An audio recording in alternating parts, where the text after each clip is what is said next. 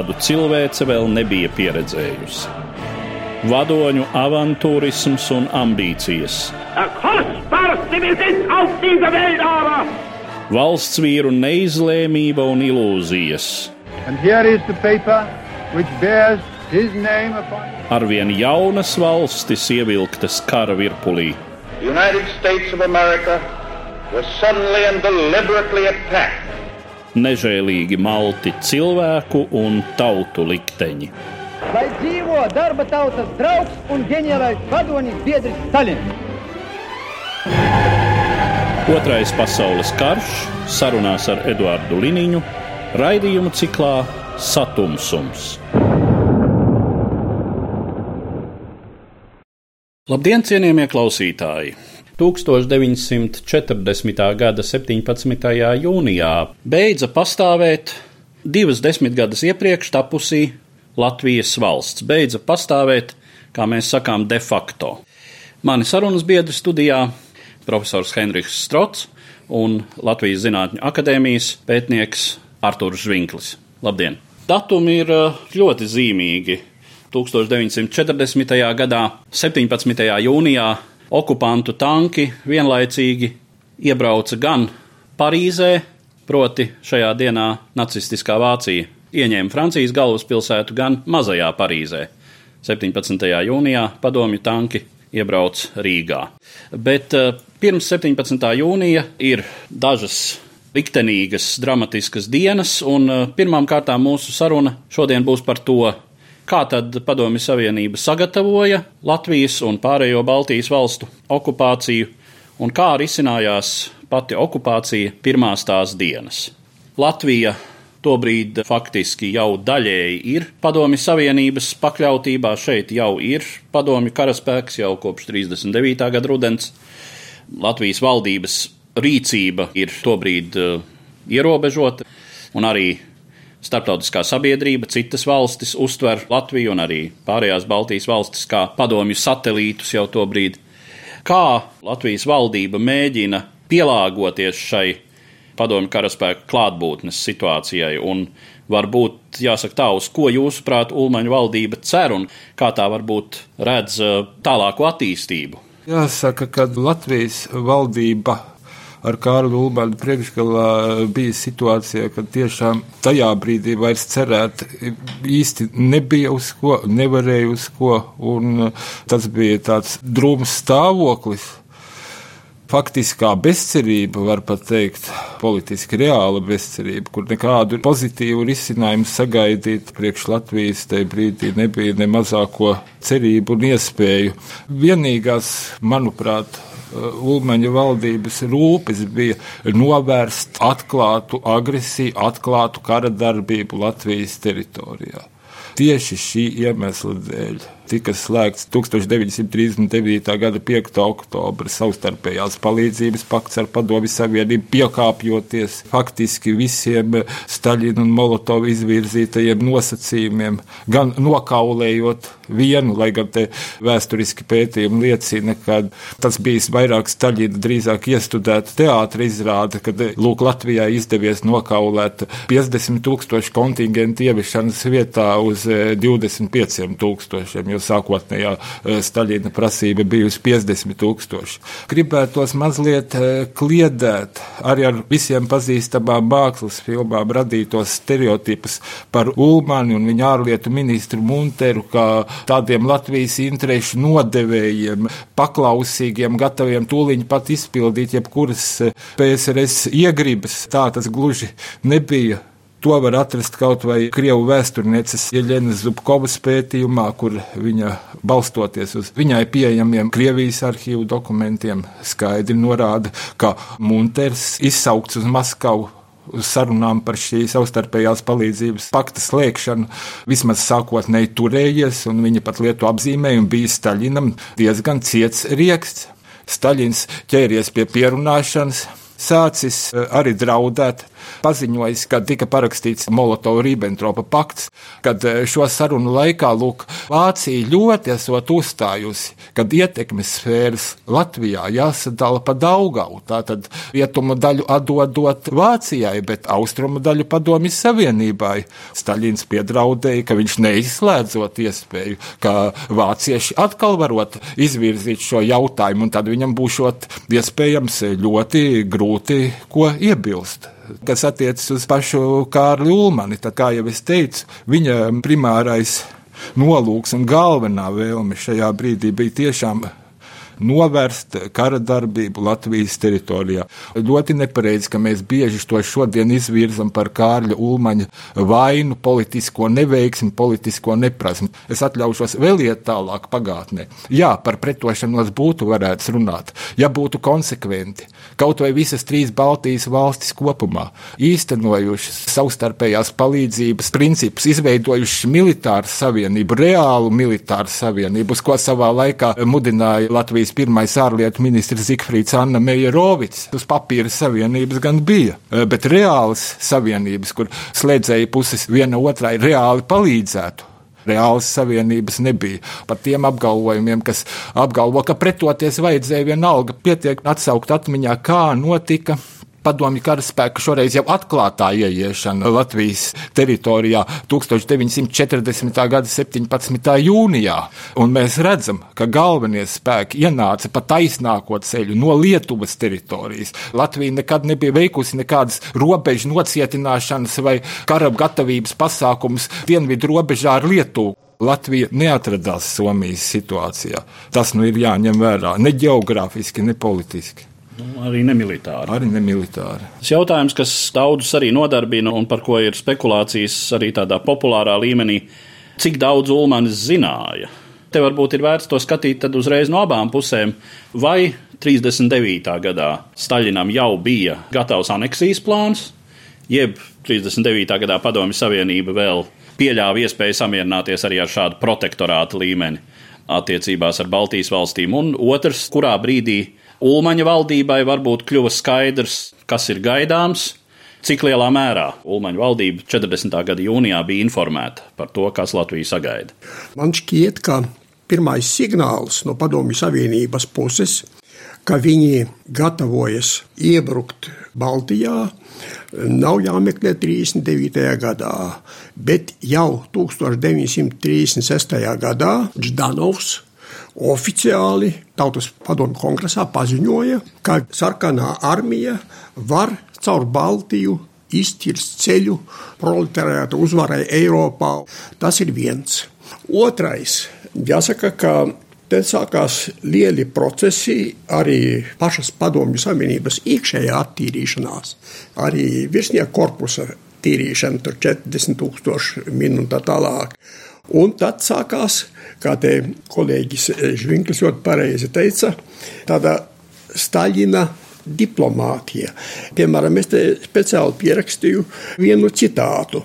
Staļins, Munters un Kociņš sarunājas 39. gada 2. oktobrī Kremlī. Staļins, lai pielaustu Munteru, respektīvi Ulmaņa valdību, noslēgt to pašu bāzu līgumu, saka tādu frāzi: Ja mēs vienosimies, būs ļoti labas izredzes komerciālajiem un citiem ekonomiskiem darījumiem. Citāta beigas. Tas ir ļoti mūsdienīgi. Šodien ar tāpat daudzi saka, tā sakot, ka būs milzīgas iespējas komerciālajiem darījumiem un tālāk. Man, kā vēsturniekam, vienmēr nāk atmiņā Cicerona teiciens jau simts gadu pirms Kristus dzimšanas. Un latīņu valodā tas skan tā: Timeo danaos ut dona ferentes. Tas ir, es baidos no donaviešiem, pat ja tie man nes dāvanas. Tāpēc impēriju solījumiem, sevišķi impērijas, kas mūs vairāk kārt ir okupējušas, un arī viņu mantnieki vienmēr jāizturās ļoti uzmanīgi. Vēl viena lieta šeit no Klaipēdas līdz Narvai jūrā atradās 19 Padomju Savienības kara kuģi ar kreiseri Kirovs priekšgalā. Tā kā, teiksim, ja nāca sarkana armija, šeit bija iekšā 25,000 kurzemē. Un tad vēl šeit bija segums. Tā kā te pārmest Ulmanim kaut kādu gļēvulību un tā tālāk, es domāju, ka tīrais neprāts. Es domāju, ka Vienīgais, ko viņš varēja darīt, un varbūt ko viņš arī neizdarīja, vajadzēja griezties starptautiski, diplomātiski, kaut kur protestēt, kā tautu savienībai. Vairāk viņš nekā nevarēja izdarīt. Un tālāk es ļoti piekrītu Liņa kunga piezīmēja salīdzinājumu starp lielo un mazo Parīzi par okupāciju.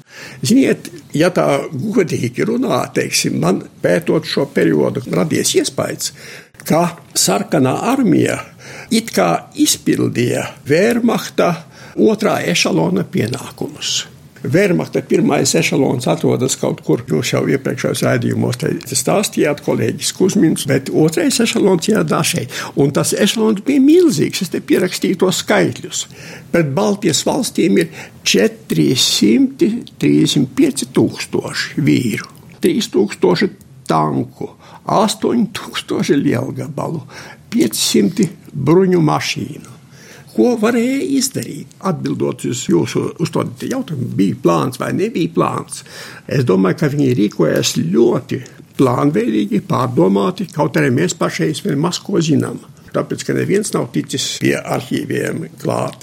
Bet kas ir ļoti labi zināms? 40. gada aprīlī PSRS iekšlietu tautas komisāra vietnieks ģenerālis Černišovs ziņo politbirojam, ka viņš ir sagatavojis konvoju karaspēku, atbruņotā Baltijas karaspēka transportēšanu uz aizmuguri. Tajā pašā laikā, aprīlī, ir tā paša Černišova pavēle. Trijās gūstekņu nometnēs, Ostāškova un citas, kur atradās poļu virsnieki, pavēle mēneša laikā razgruzīt šīs nometnes. Burtiski tulkojot, izkraut. Nu, laikam izkraut, jā, vai, vai izlādēt. Vieta bija precīzi sagatavota. Tālāk vēl 40. gada 14. jūnijā precīzi pavēle Latvijas kara gūstekņus sūtīt uz Krieviju caur Bigosovas staciju.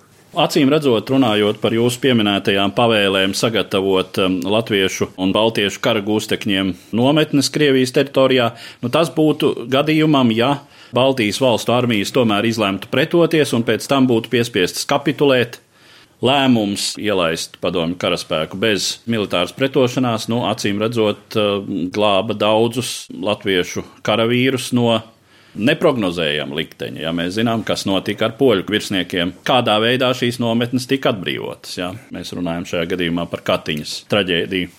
Tas izskanēja faktiski vienā no mūsu iepriekšējām sarunām, un to teica kolēģis no Kara muzeja Valdis Kusmins, ka vispār Latvijas armija, jo sevišķi, un arī pārējās iestādes šeit posmā starp 39. un 40. gadu zināmā mērā ir balansējušas uz savstarpējās palīdzības līguma pārkāpšanas robežas, cenšoties maksimāli apgrūtināt padomju karaspēku vienībām šeit eksistenci.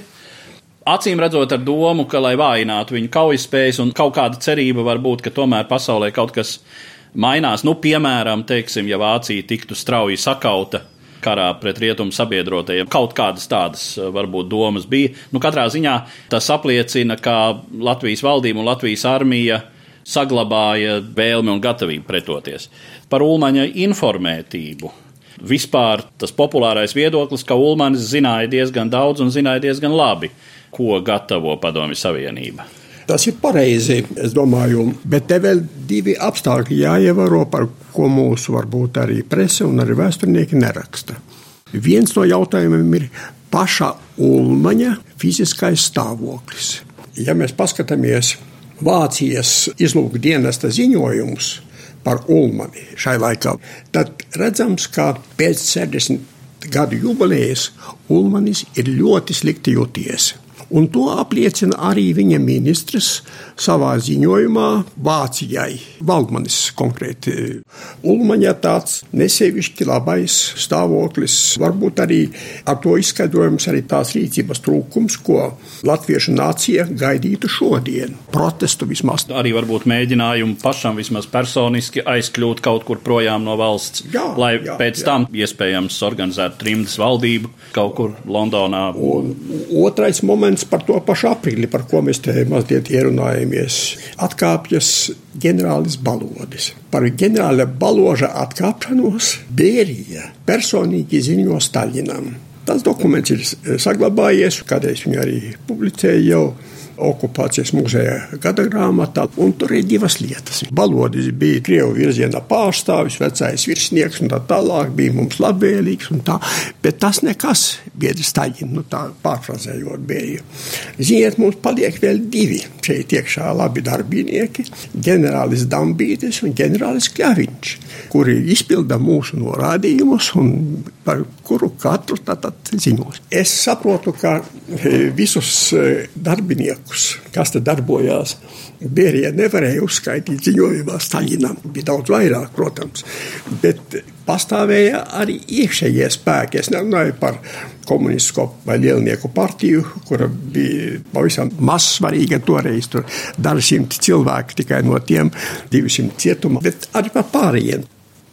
Vēl jārunā par vienu konkrētu notikumu, kas notiek 15. jūnijā un runa ir par tā saukto Masļenku incidentu, kas, es saprotu, pat īsti nav vienīgais, ka uzbrukumi ir notikuši ne tikai konkrēti Masļenkos, kur tas uzbrukums bija ar upuriem un viskaļākais, bet vairākās vietās šajā dienā. NKVD daļas pāriet Latvijas robežu, tiek ņemti gūstā Latvijas robežsargi, arī dzen civiliedzīvotāji.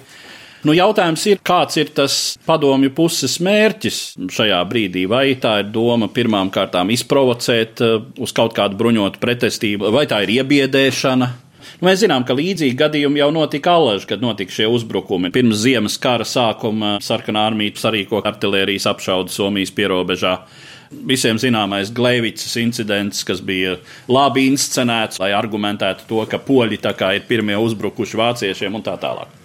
Manuprāt, te kombinējās divi momenti. Tas ir iebiedēšana, protams, Bet galvenais, gadījumā, ja ienākot, būs sastopama jau kāda pretošanās, tad varēs apgriezt visu kājām gaisā un paziņot, ka Latvijas puse ir sarīkojusi provokācijas uz padomju robežas jāpaskatās uz tiem cilvēkiem, kas tika sagūstīti šajā naktī uz 15. jūniju, un starp viņiem bija kāds krievu zemnieks Dmitrijs Maslovs. Pret viņu sāka Čekas kriminālu procesu. Viņu apsūdzēja spiegošanā, pratināšanu laikā.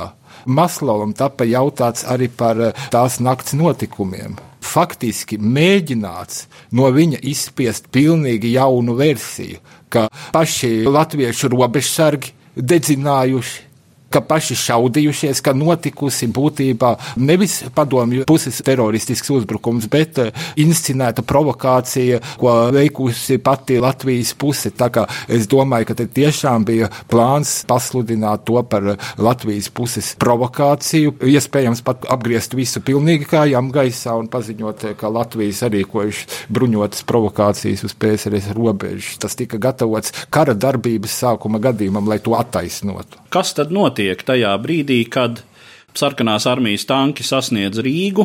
Ir fotografijas, kas visiem apmēram rada šo priekšstatu. Pirmkārt, kā notiek faktiskā varas pārņemšana? Kas pārņem administratīvo varu ministrijās un tā tālāk līdz brīdim, kad tiek veidota šī Kirchensteina marionešu valdība?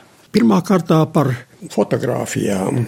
Diemžēl tās nav fotografijas, tie ir kadri no kinofilmas, kuru uzņēma sarkanā armija vai NKVD no Rīgas jumtiem. Šī filma atrodas Krievijas kinofotofonu arhīvā. Igauni ir ieguvuši šo filmu. Igauniem ir pilna filma, mums ir tikai attēli, bet nu, tas tāds sīkums, vienkārši detaļas. Tai visā varas pārņemšanas procesā darbojās ārkārtīgi spēcīgi PSRS vēstniecība Latvijā. Un bija PSRS ITK grupa, kura tika nu, strīdamies. Mēs pagājušajā nedēļā vēsturnieki es arī īsti neesmu pārliecināts, vai tā iebrauca reizē ar sarkanām daļām, vai nedaudz vēlāk. Uzvārdi tur zināmi. Sergejs Rusānovs, Kerra savā biogrāfijā raksta, kā viņš te iebraucis, apmācīts speciāli. Bet patiesībā to īsto funkciju izpildīja Višinskis Un tas ir ne vairāk, ne mazāk kā Padomju Savienības tautas komisāra padomas priekšsēdētāja vietnieks un galvenais kārējs padomju savienībā attīstus. Galvenais apsūdzētājs Staļina paraugu prāvas. Pilnīgi pareizi. Bet eh, jāatceras, ka viņš tomēr parādīja, ka nevelti mācījies tieslietas vēl pie vecā bijušā cariskā režīma, jo ļoti perfekta bija šī spēle cik ideāli var izmantot autoritāro valsts iekārtu, jeb kā mēs saucam viņu reizēm 15. maija republikas valsts eh, struktūru, lai realizētu Latvijas okupācijai vajadzīgos uzdevumus, lai šo struktūru faktiski nemainītu pat cilvēkus nomainīt pakāpeniski. Pēc struktūras strādāja ideāli līdz pat 24. un 5. augustam, kad oficiāli pieņēma Latvijas PSR konstitūciju un Latvijā nodibinājās tipveida padomju varas sistēma. Līdz tam perfekti tika izmantots faktiski gandrīz neko negrozot. Ulmaņa 1934. gadā iedibinātā šī valsts eh, varas un pārvaldes sistēma. Protams, radās tur piedēklis tautas saima, bet tā nav pašlaik mūsu sarunas tēma. Otrs - komunikācija ar Ulmani, godevība, cieņas apliecinājumi, kā nekā runāju ar valsts galvu. Jūs esat neatkarīga valsts, mums ir līgumi, Mēs tagad esam draugi tiešām uz mūžiem, jo jūs piekritāt, jā, mums radās domstarpības, mēs viņus atrisinājām tikai viens lūgums, kā mēs lūdzām, atsakieties no valdības vadīšanas. Bet mēs ļoti gribam, lai jūs paliekat valsts vadītājs. Tā kā arī šī kombinācija bija ļoti veiksmīga un šī rīcība taiziņā, lai atrastu šo piesēgu un vēl šodien varētu izmantot propagandā, kas šeit parādās Krievijas vēsturnieku darbos, pat ne šeit, bet tā ir diezgan tāda izteikta līnija. Toreiz tas ļoti, ļoti veiksmīgi Višinskim izdevās. Tad ir vēl viens tālējošs jautājums, ko mēs vispār esam noklusējuši. Ir okupācijas jautājumiem saistītājām problemātikai daži juridiski aspekti. Man šķiet, un cik es esmu dzirdējis arī konferencēs par šo jautājumu, Latvija līdz šim brīdim nav oficiāli pasludinājusi, ka 1939. gada 5. oktobra savstarpējās palīdzības pakts viņai ir uzspiests, ka tas ir nelikumīgs un tā. Līdz šim brīdim tas skaitās likumīgs valsts tiesību dokuments. Vēl viens konkrēts jautājums par tiem, kuri sagaidīja sarkano armiju ar sajūsmu Rīgas ielās. Ir dzirdēti viedokļi, nu jā, vietējie krievi, vietējie ebreji, kaut kādi deklasēti elementi, ir saglabājušies oficiāli protokoli, arī plāni, kā sarkanārmijai būs ieiet Latvijā. Gan 39. gadā, gan 40.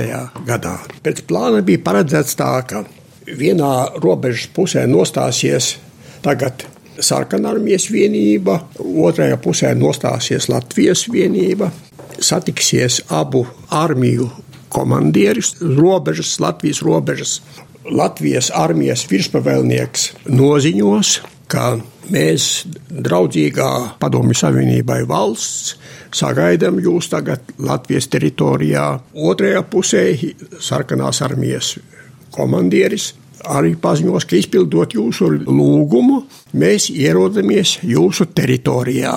Tika izsūtīts gan Lietuvai, gan arī Latvijai, ka vajadzētu organizēt sagaidīšanu visā Lietuvas un Latvijas teritorijā.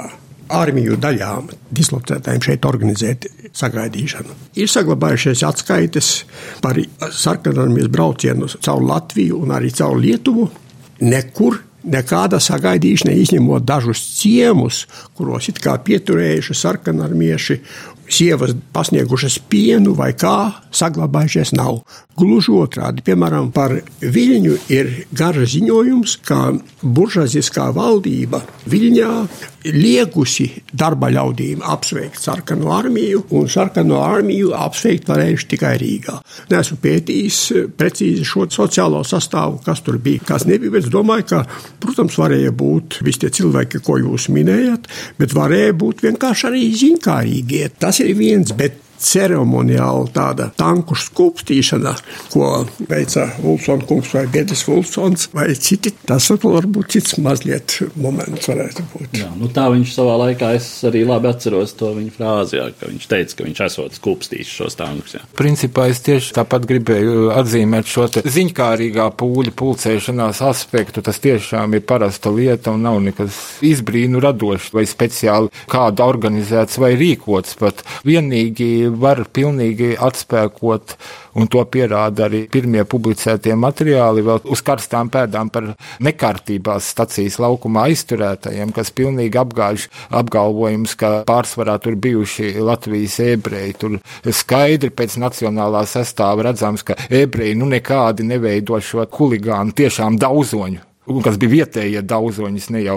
no PSRS importētie, neveidoja šo daudzoņu lielāko daļu nu, nekādā veidā. Tā kā šāds aspekts arī pilnīgi ir garām, un arī mūsu publiskā telpā šat atkal izskan par to, ka ebreji bijuši sevišķi padomju karaspēka gaidītāji šeit, sevišķi nelojāli Latvijai, kas pilnīgi un absolūti neatbilst nekādai vēstures patiesībai. Var skatīties visu 20. un 30. gadu Latvijas vēsturi Latvijas attiecības ar nacionālajām minoritātēm, respektīvi ebrejiem, un redzēt, ka šīs attiecības ir normālas, daudz labākas par daudzām citām minoritātēm. Ebreji ir valstiskāk domājoši, ja mēs kaut vai salīdzinām ar vācu minoritāti. Jā, bija viens aspekts. Tiešām tās bija bailes no Hitlera Vācijas, reāli pamatotas bailes. Un tas, ka ebreji tiešām uztvēra padomi karaspēku atnākšanu ar atvieglinājumu sajūtu. Nu, bet saprotiet, ka runa bija par cilvēkiem, par tautas kopību, kurai nebija izvēles. Nedaudz leģendām apvīts īsts stāsts, ko es atļaušos šeit vēl pieminēt, kad neilgi pēc Latvijas okupācijas šeit bija padomju karaspēks. Ebreju biedrībā notika ebrejiem veltīts pasākums. Tika arī uzaicināti tā saucamie buržoja ebreji, lai nāk paklausās. Tur viens no sarkanās armijas politvadītājiem ļoti skaidri pateica, nu, jums jau izvēle ir ļoti vienkārša. Vai nu bodas atslēgas biedram Staļinam vai galvu Hitleram. Par pašiem latviešiem runājot, neaizmirsīsim vienu aspektu, kad ļoti mēs zinām šo vēsturisko naidu, nepatiku, antipātijām pret Vāciju un vāciešiem, kas īpaši pastiprinājās pēc Hitlera nākšanas pie varas. Jāņem vērā arī latviešu vairākums, kāpēc mierīgi uztvēra. Kāpēc tam nebija šī publiskā protesta izpausmes vai tādas lietas, pilsoniskās nepakļaušanas akcijas? Arī tāpēc, ka latvieši, arī latvieši cerēja, ka lai nu ko būs slikti, varbūt būs vēl sliktāk, bet vismaz no kara izdosies izvairīties, no kara paglāpties. Tas ir tā pati Ulmaņa doma, lai šeit notiktu, kas notikdams, galvenais, lai nebūtu kara. Tiešām ir jāņem vērā tas, ka nepatika pret krieviem un bailes no krieviem. Tas ir fenomens, kas latviešu tautā parādās tā izteikti pēc baigā gada. Līdz tam tomēr dažādu aspektu dēļ 700 gadu paverdzinātāji, lielākie latviešu tautas ienaidnieki tomēr primāri bija vācieši, un uh, nacistu nākšana pie varas to visu vēl uzsildīja. Tā ka tajā brīdī pret briesmām no austrumiem vēl, teiksim, tādas iestrādātas alerģiskas reakcijas. Jā, vēl viens maziņš momentiņš jāņem vērā, ka veiksmīgi strādāja padomju propagandas mašīna, miermīlīgā retorika. Tas veiksmīgi strādāja. Ne tikai Latvijā, strādāja visā Eiropā šī veiksmīgā propaganda. Un arī šodien strādā tas pats. Ziniet, es tikai vienu piezīmi, varbūt papildinot ļoti pareizo kolēģi domu par ebrejiem Latvijā. Vienu faktu vajadzētu neaizmirst, ka laikā no 38. gada līdz 40. gadam Latvija, fašistiskā Latvija, kā Krievu presi pašais raksta, uzņēma no Austrijas un no Vācijas pāri par 3000 ebreju bēgļu kuri bija aplaupīti pilnīgi pliki šeit. Un šajā jautājumā mēs pēc dažām dienām grāmatu vācu valodā, kas nu pat izdota ir Austrijā, prezentēsim. Daudzas valstis, ieskaitot Amerikas Savienotās valstis, ieskaitot Skandināvijas valstis, ebrejus neuzņēma vai uzņēma nepietiekamā skaitā, bet fašistiskā Latvija uzņēma ebrejus. Ar šiem secinājumiem par 1940. gada 17. jūniju un dienām pirms un tūlīt pēc tam es gribētu noslēgt šo mūsu sarunu un saku paldies maniem sarunas biedriem, vēsturniekiem, profesoram Henrikam Strodam un Latvijas Zinātņu akadēmijas pētniekam Arturam Žvinklim. Paldies! Raidījumā šīs dienas acīm cikls Satumsums - sarunas par Otro pasaules karu.